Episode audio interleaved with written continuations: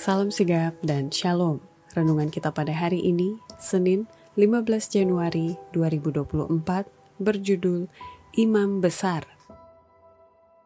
Ayat intinya terdapat di dalam Ibrani 7 ayat 26. Sebab imam besar yang demikianlah yang kita perlukan, yaitu yang saleh, tanpa salah, tanpa noda, yang terpisah dari orang-orang berdosa, dan lebih tinggi daripada tingkat-tingkat sorga. Pena Inspirasi menuliskan judul renungan kita pagi ini, Imam Besar, yang tidak lain dan tidak bukan adalah Yesus, nama di atas segala nama, agar supaya kita bisa mengalami pengalaman pribadi dan dapat memaknai dan merasakan sentuhan kasihnya, dan lebih memperkaya perjalanan hidup ini sampai kita kelak bisa bertemu dengan dia muka dengan muka di surga. Sebagai berikut.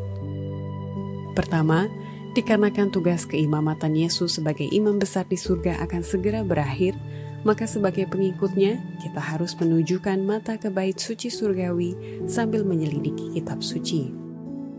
Kita boleh belajar banyak dan harus senantiasa menyelidiki kitab suci untuk melihat kalau-kalau hal itu benar demikian umat Allah sekarang harus menunjukkan mata mereka ke bait suci surgawi, di mana pelayanan terakhir dari imam besar kita dalam pekerjaan penghakiman sedang berlangsung, di mana ia mengantarai bagi umatnya. Kedua, dikarenakan tugas keimamatan Yesus sebagai imam besar di surga akan segera berakhir, maka sebagai pengikutnya kita harus berusaha untuk menjadi sempurna di dalam Kristus dalam hidup ini. Sekarang ini, sementara imam besar mengadakan pendamaian demi kita, maka kita harus berusaha untuk menjadi sempurna di dalam Kristus.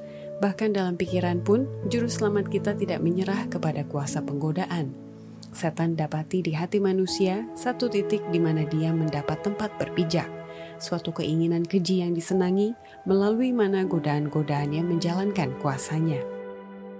Ketiga, dikarenakan tugas keimamatan Yesus sebagai imam besar di surga akan segera berakhir, maka sebagai pengikutnya kita harus menunjukkan rasa simpati terhadap orang miskin yang menderita, yang bergumul, dan orang-orang yang sering dipersalahkan, berdosa dan menyesal, tergoda dan kecewa.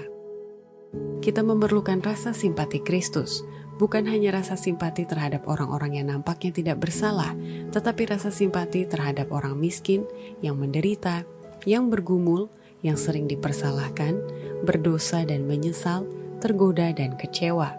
Kita menjumpai sesama manusia dengan hati yang terjamah, seperti imam besar yang berkemurahan dengan merasakan kelemahan-kelemahan mereka. Keempat, dikarenakan tugas keimamatan Yesus sebagai imam besar di surga akan segera berakhir, maka sebagai pengikutnya kita harus menunjukkan perhatian khusus dan besar dalam memancarkan sinar pekabaran Injil kepada semua orang. Adalah maksud juru selamat agar setelah dia naik ke surga menjadi perantara manusia, para pengikutnya harus meneruskan pekerjaan yang telah dimulainya. Apakah manusia tidak akan menunjukkan perhatian khusus dalam memancarkan sinar pekabaran Injil kepada mereka yang berada di dalam kegelapan? Ada sebagian yang rela pergi ke ujung bumi untuk membawa sinar kebenaran kepada manusia, tetapi Allah menuntut agar setiap jiwa yang mengenal kebenaran akan berusaha memenangkan orang lain untuk mengasihi kebenaran. Jikalau kita tidak rela berkorban, untuk menyelamatkan jiwa-jiwa yang bersedia dibinasakan, bagaimanakah kita dipandang layak untuk memasuki kota Allah? Demikianlah renungan kita pada hari ini. Kiranya Tuhan memberkati kita semua.